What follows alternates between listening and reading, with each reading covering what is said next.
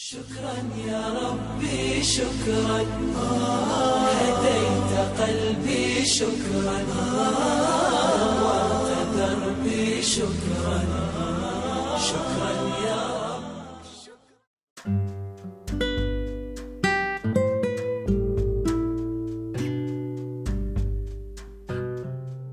Bismillahirrahmanirrahim. Alhamdulillahirrabbilalamin.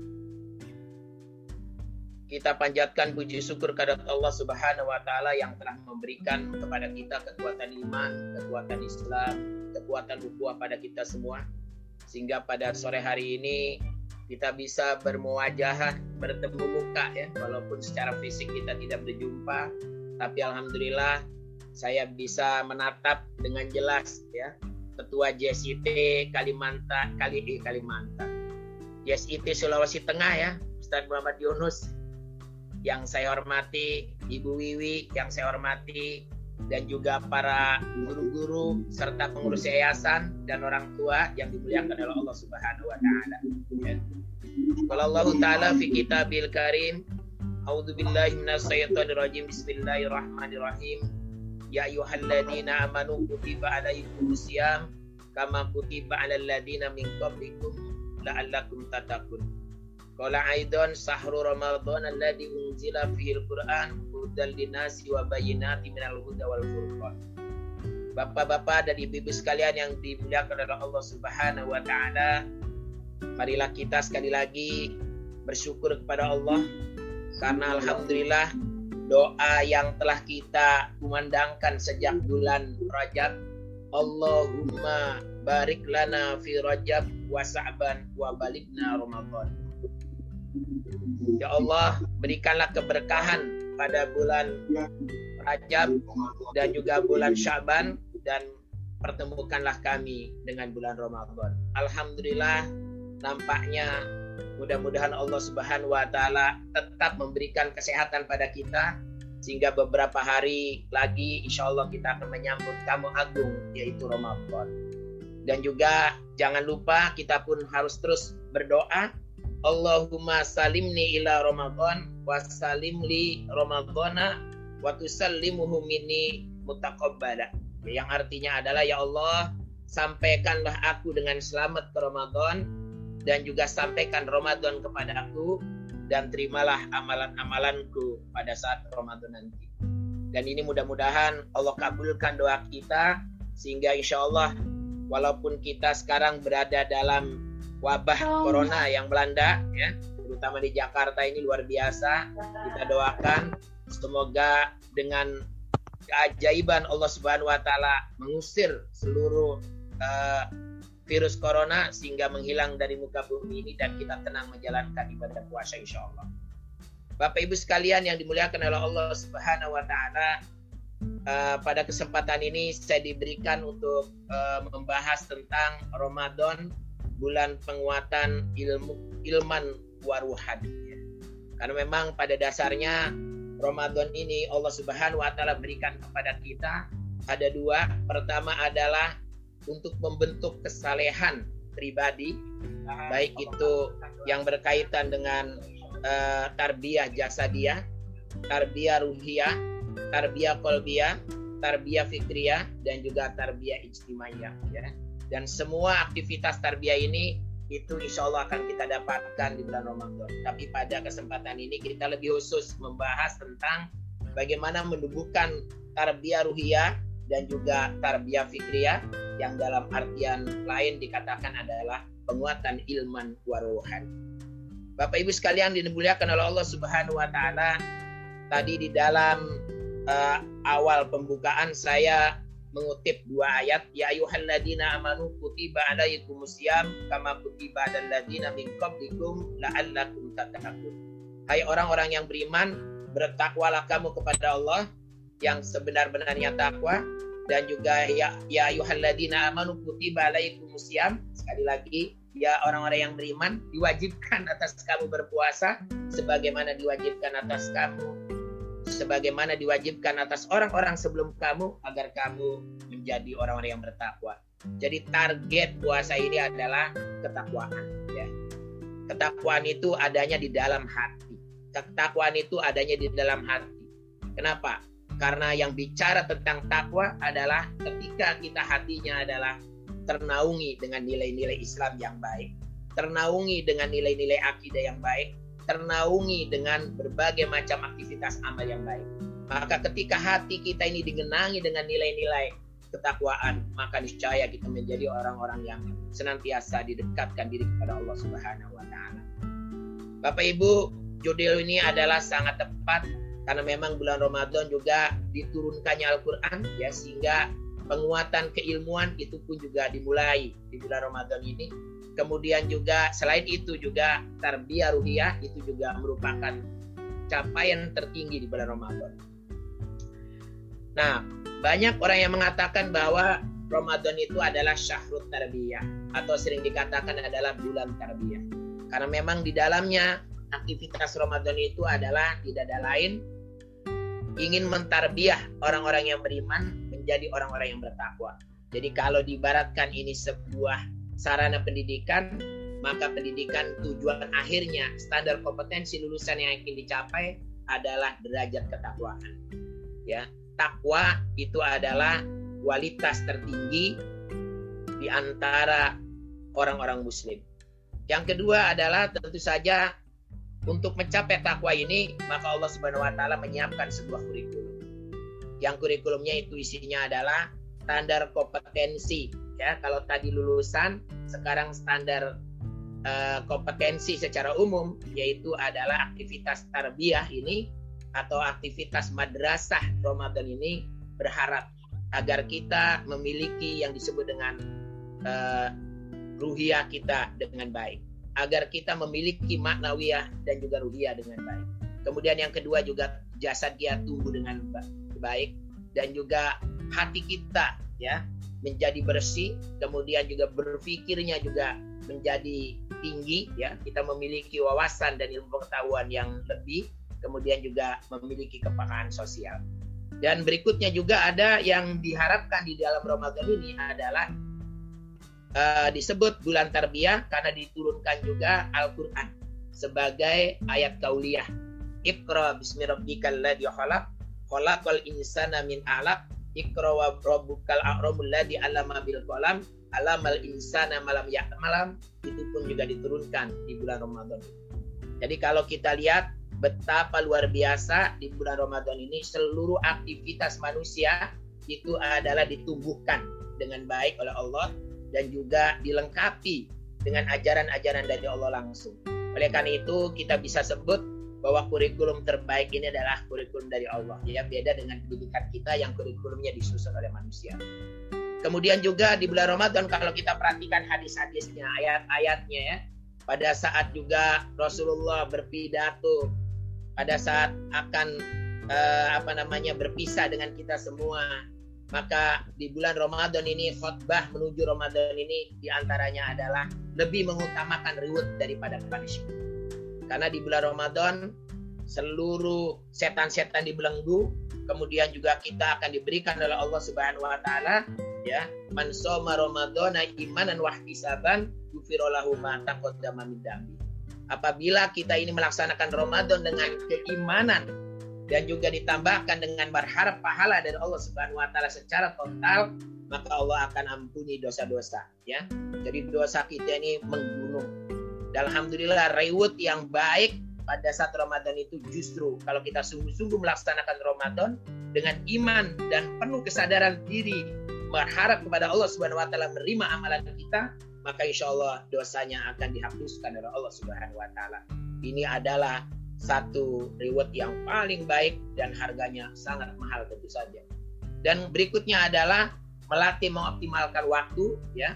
Karena memang pada kegiatan-kegiatan Ramadan yang akan kita laksanakan ini betapa Allah Subhanahu wa taala telah mengatur sebagai luar biasa segala aktivitas ini dengan mengoptimalkan waktu yang kita miliki. Yang biasanya waktu-waktu kita disibukkan dengan pekerjaan, waktu-waktu kita disibukkan dengan aktivitas duniawi, justru di Ramadan ini diistirahatkan. Dan itu yang biasa dilakukan oleh para sahabat dan juga orang-orang Arab bekerja keras ya sampai bulan Rajab, tapi setelah masuk bulan Rajab, setelah masuk bulan Ramadan, maka pekerjaannya dikurangi. Inilah yang harus kita lakukan dalam rangka menyambut tamu agung kita bulan Ramadan. Bapak Ibu sekalian, Ramadan juga tadi dikatakan sebagai sahrut tarbiyah. Di mana sahrut tarbiyah ciri utamanya adalah penguatan ilman waruhan. Ya. Kekuatan ilmuwan waruhan ini bisa kita lihat misalnya Allah Subhanahu wa taala sudah menyiapkan perangkat di dalam menumbuhkan agar kita ini tumbuh ruhnya dengan baik. Dalikal kitabul la raiba fihi lil muttaqin, yaitu Al-Qur'an sebagai petunjuk untuk kita semua. Bahkan di bulan Ramadan spesial Al-Qur'an pun diturunkan. Sahru Ramadan alladzi unzila fil Qur'an hudal linasi wa bayyinatin minal huda wal furqan. Untuk apakah Al-Qur'an ini diturunkan? Yaitu untuk agar manusia ini memiliki petunjuk hudan kemudian juga selain itu wabayina memberikan diberikan penjelasan-penjelasan dan juga uh, minal huda wal furqan dan juga kita bisa membedakan antara yang hak dan yang batil segala aturan-aturan secara syar'i itu pun juga diberikan oleh Allah Subhanahu wa taala di bulan Ramadan ini. Oleh karena itu Bapak Ibu sekalian, eh, mari kita jadikan bulan Ramadan ini, mari kita sambut bulan Ramadan ini dengan ceria ya, dan siapkan program-program untuk menyongsong itu semua. Baik Bapak Ibu sekalian, dan kenapa ruh ini harus ditempelkan dengan keilmuan ya? Karena ada sebuah ayat di dalam surat Al-Hajj ayat 8 itu Allah Subhanahu wa taala katakan wa minan nasi mayujadilu fillahi bighairi ilmin wala huda wala kitabim Banyak di antara manusia ya, yang tidak mau mengesahkan Allah yang tidak mengakui tentang keesaan Allah, yang tidak melakukan perintah-perintah Allah karena dalam dirinya adalah bigoiri ilmin wala hudda wala Karena pada dirinya tidak diberikan ilmu dan juga diterangi hatinya dengan Al-Qur'an. Itulah sebabnya kenapa pada sore hari ini kita akan membahas secara detail tentang penguatan ilman waruhan dalam Ramadan ini. Bapak Ibu sekalian yang dimuliakan oleh Allah Subhanahu wa taala, tentu saja ilman, penguatan ilman itu atau penguatan ilmu dalam diri kita tidaklah akan muncul dengan sendirinya. Tapi perlu adanya satu keseriusan kita untuk mencari ilmu itu sendiri. Ya. Karena pada dasarnya adalah ilmu dan amal itu ibarat pohon dan buah. Ilmu itu adalah pohonnya, sedangkan dua itu adalah amalnya. Jadi kalau kita ingin menginginkan amalan kita baik, maka tidak akan mungkin kalau tidak didasari dengan ilmu. Wal yahsal ladina law taraku min khalfihim dzurriyyatan diafa khaufu alaihim falyattaqullaha wal yaqulu qawlan sadida. Kita hendaknya meninggalkan generasi yang baik ini yaitu dengan memiliki ya keahlian yang lebih daripada kita, syarat utamanya adalah dengan ilmu. Waman aroda dunia falaiha bi ilmi, waman aroda akhirat falaiha bi ilmi, waman aroda huma falaiha bi ilmi. Ya, kalau kita ingin meng menghendaki kehidupan dunia ini dengan baik, maka tempuhlah dengan ilmu.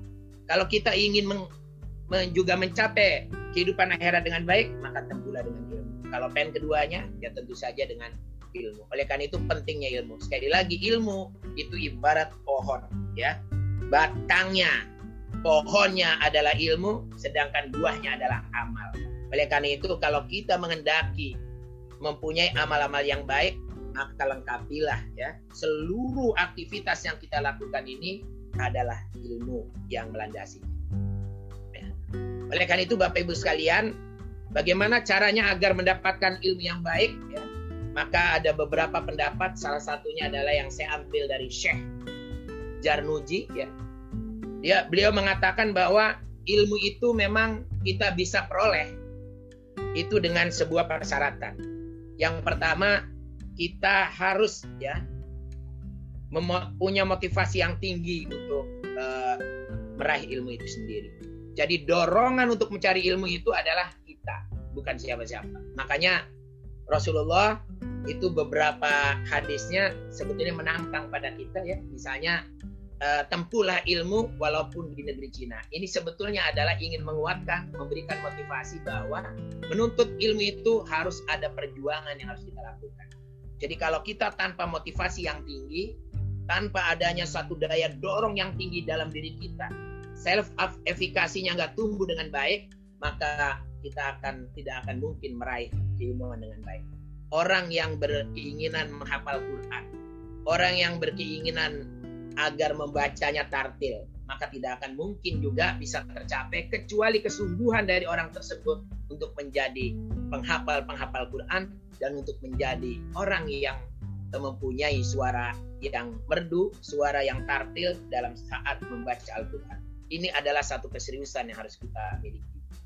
Kalau kita pengen belajar ataupun memiliki ilmu kauniyah misalnya kuat dalam bidang matematik, bidang fisika, bidang kimia, tidak akan mungkin kalau tidak ditempuh dengan adanya satu keseriusan dalam diri kita. Maka langkah yang pertama yang harus kita lakukan dalam menuntut ilmu adalah motivasi yang kuat pada diri kita. Dan motivasi itu harus tumbuh dari diri kita, bukan karena orang tua, bukan karena desakan dari sana sini. Yang kedua, Bapak Ibu sekalian, tentu saja adalah ilmu ini akan kita kuasai dengan baik dengan syarat memilih disiplin ilmunya juga tepat, ya jadi biasanya memang kalau orang sudah punya minat besar terhadap jurusan tertentu atau bidang tertentu itu akan mudah mempelajari ilmu. Tapi kalau seandainya ya ilmu itu yang kita pelajari bukan karena keinginannya ya maka niscaya ilmu itu akan sulit untuk kita uh, pelajari dengan baik. Kemudian berikutnya juga pada saat belajar ilmu tentu saja adalah ilmu itu tidak hanya dipelajari oleh kita tapi harus ada guru ada yang mengatakan apabila kita belajar di dalam hadis kemudian kita tidak ada gurunya maka seolah-olah kita belajar dengan setan. Ya walaupun sekarang ini sudah banyak internet, ada juga Google ya sebagai guru kita, tapi rasanya kurang lengkap karena yang dapat memberikan penjelasan, yang dapat memberikan penguatan itu adalah perlu adanya guru. Oleh karena itu kita juga harus memiliki guru yang ahli di samping juga guru yang pintar mendidik. Itu syarat dari uh, tercapainya ilmu itu dengan baik. Berikutnya juga diperhatikan dalam memilih ilmu itu juga harus ada yang namanya teman yang baik. Ya. Karena biasanya kalau semangat dari temannya itu tinggi untuk menuntut ilmu, maka kita pun akan terbawa ya teman kita. Tapi kalau teman kita bergaul dengan teman yang bermalas-malasan, tidak pandai untuk menuntut ilmu, tidak ada satu ambisi yang kuat untuk meraih keilmuan, biasanya kita juga gampang terpengaruh oleh adanya teman kita. Oleh karena itu, kalau kita punya anak, kalau kita juga masih anak-anak kita sekarang, kita kontrol dengan siapa dia bergaul. Karena pada sesungguhnya keimanan anak-anak kita pun terpengaruh kepada teman bergaulnya. Oleh karena itu pilihlah teman-teman bergaul anak-anak kita ini yang baik, yang memiliki semangat untuk menuntut ilmu, di samping juga semangat untuk membangun akhlak yang mulia. Ya. Kemudian berikutnya adalah selain teman, kita juga harus memperhatikan tempat belajar yang kondusif ya. Kenapa misalnya sekolah-sekolah IT dipilih oleh para orang tua? Karena salah satunya dianggap sekolah ini memiliki satu tempat, dimiliki satu lingkungan yang sangat kondusif. Dan ini juga kenapa Rasulullah SAW waktu itu masih kecil itu dititipkan ya eh, ke Taif ya dan dipersusukan di sana. Dan saya alhamdulillah melihat kemarin waktu umrah ya tempat bagaimana Rasulullah waktu kecil itu dipelihara ataupun uh, dipelihara oleh Halimah ya. Dan di sana luar biasa kondisinya memang kondusif untuk uh, pengembangan diri. Kemudian juga kita juga kadang-kadang kenapa anak-anak itu di pesantren misalnya lebih gampang untuk e, melaksanakan hafalan Quran karena memang kondisinya diciptakan demikian. Oleh karena itu tempat itu sangat berpengaruh ya. Nah, kemudian berikutnya juga waktu yang tepat ya. Jadi belajar itu harus sudah mood ya. Kalau tidak mood ya agak sulit untuk kita paksakan. Oleh karena itu kita harus memilih ya. Saya dulu waktu kecil sering belajar itu ketika orang tidur ya. Jam 3 malam saya bangun, kemudian saya belajar, itu lebih nyaman daripada pada saat menjelang tidur ya karena banyak gangguan di antaranya TV, kemudian hiburan dan sebagainya. Kemudian juga iringi dengan ibadah dan sikap tawakal yang tinggi ya. Jadi artinya adalah ketika kita ini memang berkeinginan untuk meraih ilmu yang baik, maka kita harus tempuh dengan tawakal tu Allah, dengan tawakal kepada Allah Subhanahu wa taala yang kuat ya. Dan berikutnya adalah juga syarat daripada ilmu itu bisa melekat mudah dengan kita, maka kita harus menetapkan pada diri kita punya sikap waro. Artinya menjauhi makanan atau barang-barang haram untuk dikonsumsi dalam tubuh kita. Karena ketika barang haram masuk di dalam diri kita, dikonsumsi oleh kita, maka di situ pengaruhnya salah satunya juga bisa berefek kepada watak seseorang dan juga menghalangi kita untuk hatinya bersih sehingga tidak mudah menerima ajaran-ajaran yang diberikan ataupun tidak mudah kita untuk mempelajari ilmu. Dan yang berikutnya juga yang ke-10 syarat ilmu itu bisa kita capai kita juhud. Melepaskan urusan dunia yang berlebihan, konsentrasi penuh ya. Itulah yang harus kita lakukan agar kita mem memperoleh yang namanya ilman waruhan. Yang pertama tadi adalah tentang ilmu. Nah, sekarang bagaimana ilmu itu bisa kita kuasai dengan baik. Ternyata Bapak Ibu sekalian, ilmu ini memiliki keutamaan-keutamaan. Ketika ilmu agama ini kita dapatkan atau kita miliki, maka ini akan mendapatkan keutamaan bagi kita. Yang pertama adalah keutamaan dari orang yang menuntut ilmu adalah diberikan pahala yang dilipat gandakan oleh Allah Subhanahu wa taala, apalagi mencari ilmunya pada saat bulan Ya. Dari Anas bin Malik radhiyallahu an Nabi Muhammad sallallahu alaihi wasallam bersabda, barang siapa hadir di majelis ilmu pada bulan Ramadan, maka Allah menulis bagi orang-orang tersebut tiap jangkauan kakinya sebagai ibadah seolah-olah sedang melakukan ibadah satu tahun. Ini hadis ya. Oleh karena itu, semangat kita menuntut ilmu di bulan Ramadan, maka insya Allah pahalanya pun akan dilipat gandakan oleh Allah Subhanahu wa taala ya. Kemudian yang kedua, kita pun juga oleh Allah Subhanahu wa taala ditingkatkan derajatnya ketika memiliki ilmu pengetahuan yang lebih dibanding orang-orang yang lain. Ya apalagi kalau ilmu pengetahuan ini diimplementasikan dalam bentuk keimanan. Yarfa'ullahilladina amanu minkum walladina utul ilma darajatnya. Sesungguhnya Allah akan menjadikan orang-orang yang beriman dan memiliki ilmu pengetahuan maka derajatnya ditinggikan oleh Allah Subhanahu wa taala di atas manusia-manusia yang lain ya. Jadi derajatnya ditinggikan. Kemudian juga dengan ilmu yang kita miliki, maka kita pun juga akan ditumbuhkan oleh Allah rasa takut pada Allah Subhanahu wa taala. Kenapa? Karena semakin belajar, semakin banyak ilmu pengetahuan yang dikuasai, ilmu agama yang kita miliki, maka kita akan tahu bagaimanakah kekuasaan Allah Subhanahu wa taala yang ada di dalam lingkungan kita, yang menguasai kita, yang memiliki sebuah penguasaan yang memiliki rizki, yang memberikan sesuatu kasih sayang. Semakin banyak informasi yang kita dapatkan dari ilmu yang kita miliki ini, maka akan sempurnalah amalan-amalan kita. Ya, innama yahsal innama yahshallahu min ibad min abidihil ulama ya. Artinya adalah orang-orang yang takut kepada Allah. Ya, sesungguhnya orang-orang yang takut kepada Allah adalah orang yang memiliki keilmuan yang lebih. Jadi kalau kita memiliki ilmu yang lebih, maka ulama itu adalah lebih takut kepada Allah ya, dibanding orang-orang yang lain. Kenapa? Karena dia memiliki ilmu yang sangat baik. Makanya kita heran ya, kalau sekarang ini gampang betul kadang-kadang di medsos, orang menentang Allah, orang tidak percaya kepada Islam, ya karena diyakini bahwa orang tersebut tidak memiliki keilmuan yang baik. Kemudian berikutnya juga jalan menuju surga ya. Kemudian di samping itu juga jalan menuju kebaikan ya ini juga diberikan oleh Allah Subhanahu wa taala dengan ilmu yang kita miliki.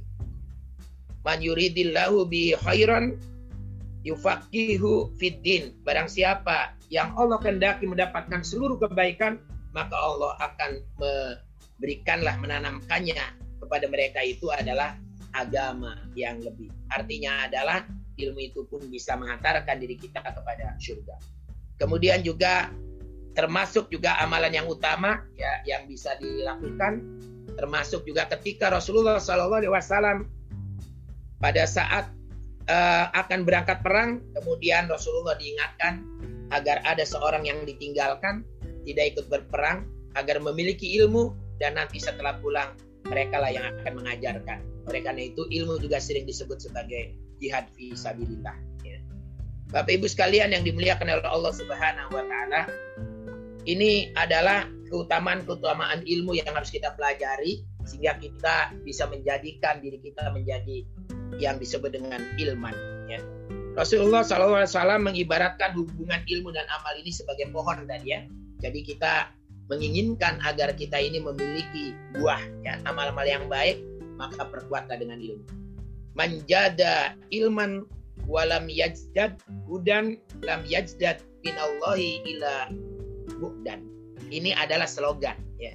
Yang artinya adalah barang siapa yang bertambah ilmunya akan tetapi tidak bertambah petunjuknya maka ia tidak akan mendapatkan apa-apa kecuali semakin jauh dari Allah Subhanahu wa taala. Oleh karena itu, setelah kita memiliki ilmu, maka langkah selanjutnya adalah tidak berhenti tapi kita mengamalkan ya ilmu itu yang dilakukan untuk uh, amal-amal berbuah amal-amal kebaikan di muka bumi. Karena kalau ilmu ini kita hanya kuasai tapi tidak dilanjutkan dengan melakukan amal, maka diibaratkan oleh Allah Subhanahu wa taala pohon tapi tidak memiliki buah. Kalau pohon ini tidak memiliki buah, ya ujung-ujungnya kalau nggak dipakai buat dipan, ya keduanya bisa jadi arem, ya itu yang paling rendah di sisi Allah Subhanahu wa taala. Bapak Ibu sekalian yang dimuliakan oleh Allah Subhanahu wa taala, tidak ada kalah tidak kalah pentingnya kita ya bahwa pada saat bulan Ramadan ini pun sesungguhnya adalah Allah Subhanahu wa taala ingin menjadikan kita ini manusia-manusia yang bertakwa dengan memiliki yang disebut dengan hati yang bersih. Memiliki yang disebut dengan ketakwaan prima. Memiliki yang namanya akidah yang bersih. Ibadahnya benar, akhlaknya mulia. Itu juga yang diharapkan. Oleh karena itu, pada bulan Ramadan ini pun kita juga harus mampu mengokohkan ya, mengambil sebuah aktivitas di bulan Ramadan ini untuk mengokohkan ruhan dalam Ramadan. Ruhan artinya adalah ruhia kita ini harus tinggi ya di mata Allah Subhanahu wa taala. Kita latih uh, ruhia kita ini dengan tarbiyah ruhia ya. Dengan berbagai macam aktivitas yang bisa kita lakukan. Uh, Dr. Ali Samsi yang sering bicara ya atau yang imam besarnya di Amerika ya. Beliau sebagai presiden Nusantara Foundation di mana beliau juga adalah imam uh, di New York ya.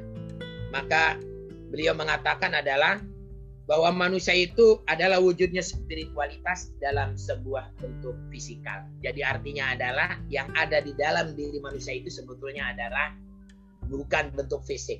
Tapi manusia ini adalah lebih kepada ruhnya yang lebih diperhatikan. Karena kalau manusia ini adalah yang lebih utamanya fisik, kita pun tentu kekuatannya kalah dengan harimau. Kalau manusia ini adalah yang di kedepankan fisik, maka kita pun mungkin akan kalah dengan binatang-binatang yang mempunyai keindahan dibanding kita. Ya oleh karena itu Bapak Ibu sekalian, manusia ini dibedakan dengan binatang, dibedakan dengan makhluk-makhluk yang lain karena kita mempunyai sifat ruh, ruh yang baik dan kita mempunyai nilai spiritual yang baik. Ya. Eksistensi ruh ini tentu saja adalah manusia langsung ditiupkan oleh Allah Subhanahu wa taala, bukan kehendak kita.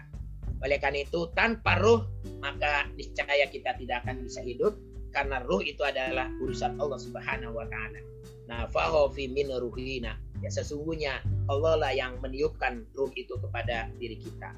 Oleh karena itu Bapak Ibu sekalian, bagaimana langkah ya dalam rangka agar kita ini memiliki ruhan, memiliki ruh yang baik, memiliki nilai-nilai ketakwaan yang baik, memiliki nilai-nilai akidah yang baik, memiliki hati yang bersih, maka tentu saja langkah-langkahnya adalah harus kita lakukan. Yang pertama, jauhi gangguan, ya yang akan merusak hati kita.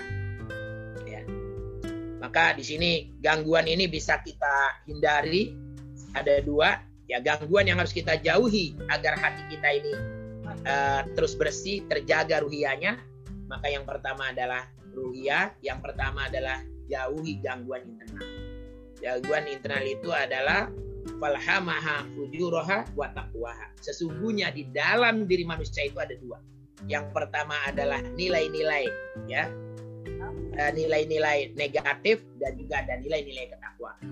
Oleh karena itu jauhkan nilai-nilai negatif dari kita yang biasa merusak hati kita, yaitu sifat tamak, sifat hasad, sifat dengki, sifat gibah, tajasus itu harus hilang dari diri kita. Di bulan Ramadan ini sifat-sifat ini insya Allah ya akan dihilangkan karena memang sarana Ramadan ini adalah memperbanyak zikir, memperbanyak ibadah yang itu juga akan menjadikan hati kita hidup ya. Jadi jangan sampai hati kita tidak hidup di bulan Ramadan itu lantaran kita tidak bisa manfaatkan Ramadan itu dengan baik, terutama untuk berzikir kepada Allah, kemudian juga bertakarub ila Allah, kemudian juga melaksanakan ibadah, melaksanakan infak dan sedekah. Ada dalam surat Al-An'am ayat 102, "Awaman kana maitan fa ahyainahu faja'alna lahu nuran. Yamsi bihi finnasi kama masaluhu fi dzulumati laisa bi minha. Yang artinya adalah dan apakah orang-orang yang sudah mati kemudian dia kami hidupkan? Dan kami berikan kepadanya cahaya yang terang yang dengan cahaya itu dia dapat berjalan di tengah-tengah masyarakat manusia. Serupa dengan orang-orang yang keadaannya berada dalam gelap gulita sekali-kali tidak dapat keluar daripadanya ya.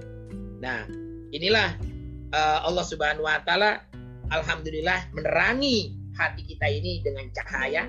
Cahaya yang dimaksud adalah waktasibu bihablillahi jami awala tarfaraku dan cahaya itu adalah Al-Qur'an.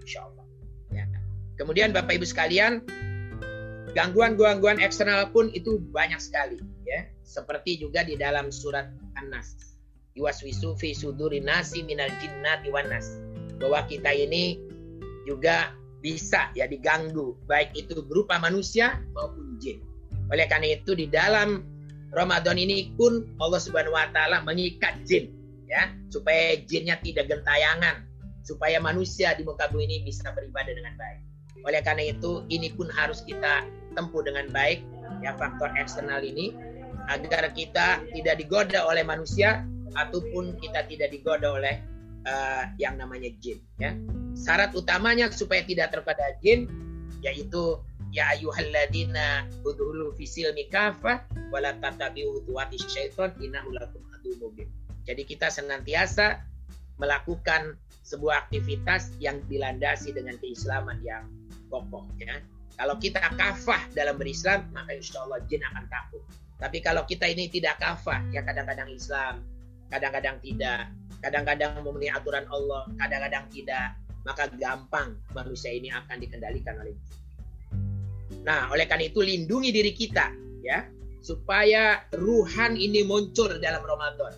Lindungi diri kita. Yang pertama adalah berkumpul dengan orang-orang yang soleh. Ya, ini saya ingat sebuah lagu optik ya, yaitu tentang lagu yang uh, obat hati itu salah satunya adalah berkumpul dengan orang-orang soleh ya Nah, oleh karena itu berkumpul dengan orang-orang soleh dalam rangka apa? Supaya kita ini senantiasa berada dalam keadaan-keadaan yang senantiasa terkontrol dalam keislaman. Walaupun pada hari ini atau nanti bulan Ramadan mungkin berkumpul dengan orang-orang soleh ini sulit untuk kita lakukan secara fisik. Tapi insya Allah kita senantiasa saling bertitip salam, saling memberikan satu informasi, saling menasehati, memberikan tausiah, tapi lewat medsos-medsos kita maka medsos-medsos yang isinya adalah bukan orang-orang soleh ya, yang biasanya berbicara tentang hal-hal yang negatif, kalau bisa di stop terlebih dahulu di bulan Ramadan ini, ya, agar kita senantiasa terlink dengan orang-orang yang soleh bersama-sama kita. Dalam rangka apa? Dalam rangka menumbuhkan keimanan. Dalam rangka mempertebal diri agar kita tidak gampang ya terpengaruh oleh hal-hal yang uh, menjerumuskan kita, yaitu setan yang akan menjerumuskan yang kedua, kita juga lindungi diri dengan yang disebut dengan tarbiyah jatiyah. Tarbiyah jatiyah ini bisa dilakukan dengan memperbanyak istighfar, memperbanyak zikir, memperbanyak doa, memperbanyak amal sunnah ya di bulan Ramadan, tilawah, tahajud, kemudian juga senantiasa bermuhasabah. Itu kita harus lakukan.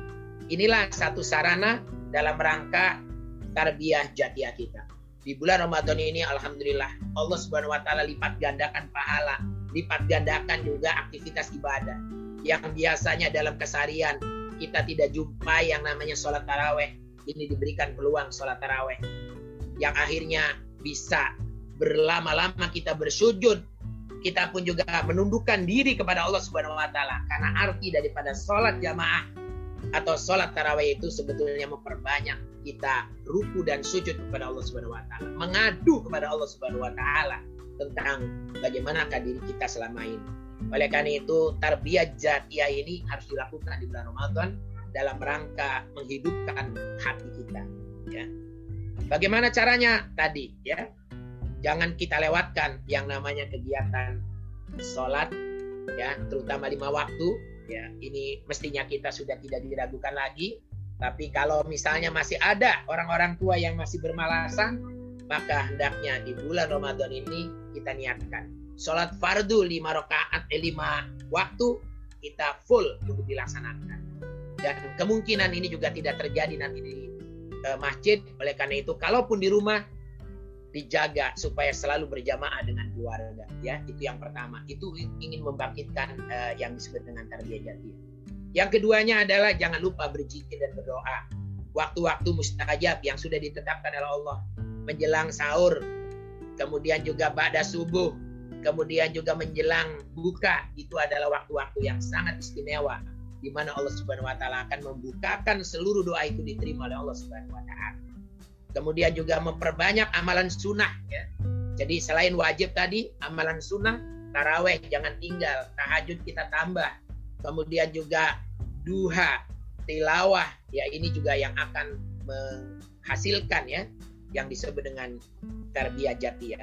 Kemudian juga selain itu pun juga bisa kita lakukan uh, dengan yang lain ya di antaranya adalah uh, saling menasehati ya supaya selalu ada yang memberikan nasihat kepada kita saling menasehati di antara satu dengan yang lain yaitu dengan cara yaitu bermedsos. Kalaupun sekarang biasanya dilakukan melalui taraweh, tapi pada hari-hari ini kemungkinan kita tidak bisa taraweh, tapi laksanakanlah ya yang namanya uh, tausiah itu tetap dilaksanakan.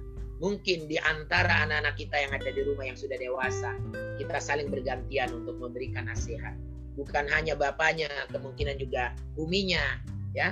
Kemudian juga anak-anaknya bisa diberikan satu tugas untuk saling bertausiah di bulan Ramadan.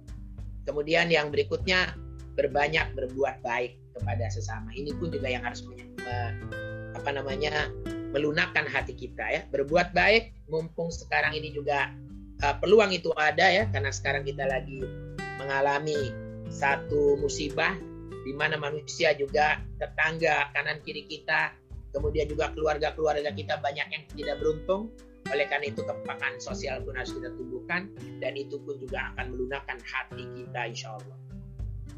Nah, oleh karena itu Bapak Ibu sekalian, Mari kita susun agenda Ramadan di rumah ini dengan baik sehingga yang namanya ilman dan ruhan itu tetap terjaga pada saat kita Ramadan. Bagaimana caranya? Pertama adalah kita sambut Ramadan ini dengan sukacita. Kalau para sahabat menyambut Ramadan ini sebelumnya di bulan Rajab dan Sya'ban banyak berbuat kebajikan, banyak melakukan sunnah-sunnah, melipat gandakan yang namanya tahajud, lipat gandakan namanya sholat-sholat dan juga puasa-puasa sunnah. Maka kita juga di bulan Ramadan itu kita sambut dengan ceria. Ya. Kalau ada tamu yang akan datang, biasanya memang kita membereskan rumah.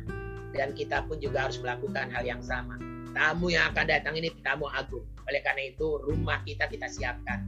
Kalau belum ada tempat ibadah yang khusus, kita bikin tempat ibadah yang khusus di rumah kita ya karena khawatir kita tidak bisa melaksanakan sholat berjamaah di masjid ya.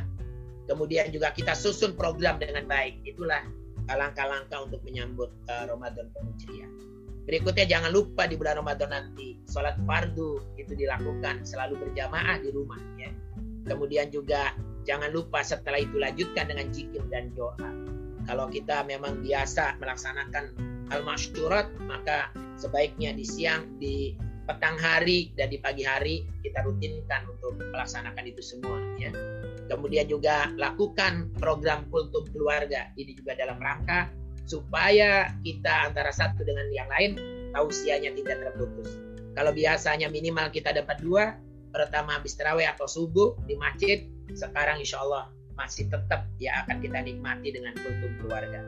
Kemudian begitu juga buka bersama dengan keluarga, itu pun harus kita rancang. Ya. Bagaimana caranya buka puasa? Setiap hari selalu kita akan buka puasa bersama dengan keluarga karena memang anak-anak sekarang pada kumpul di rumah.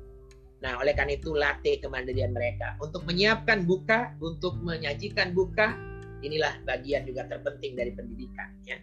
Kemudian juga taraweh berjamaah dan tahajud ya. Berjamaah dan pada saat taraweh itu pun juga ada yang tadi yang disebut dengan kultum keluarga bisa disampaikan. Kemudian juga jangan lupa setelah itu agar kita punya target ya. Di bulan Ramadan ini lebih meningkat kualitas membaca Al-Quran kita. Baik secara kuantitas maupun kualitas, maka sebaiknya setelah taraweh ataupun waktu-waktu tertentu kita adakan yang namanya tilawah bersama atau tadarus bersama.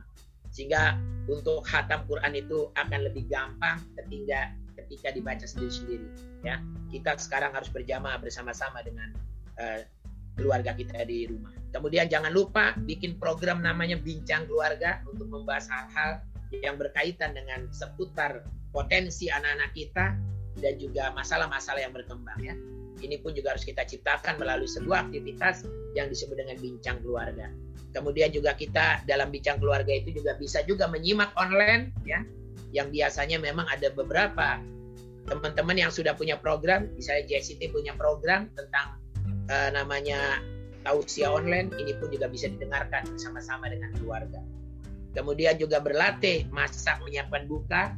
Kemudian di samping itu juga mari kita tumbuhkan kepada anak-anak kita kepekaan sosial kepada tetangga-tetangga kita masak yang lebih banyak misalnya masak kolak atau masakan yang bisa dikirim dengan tetangga tapi ingat pada saat menyajikan itu semua ya diharapkan diberikannya adalah bukan oleh kita tapi anak kita dilatih untuk memberikan. Nah, inilah hal-hal yang penting barangkali Bapak Ibu sekalian yang bisa kita kuatkan dalam kegiatan Ramadan.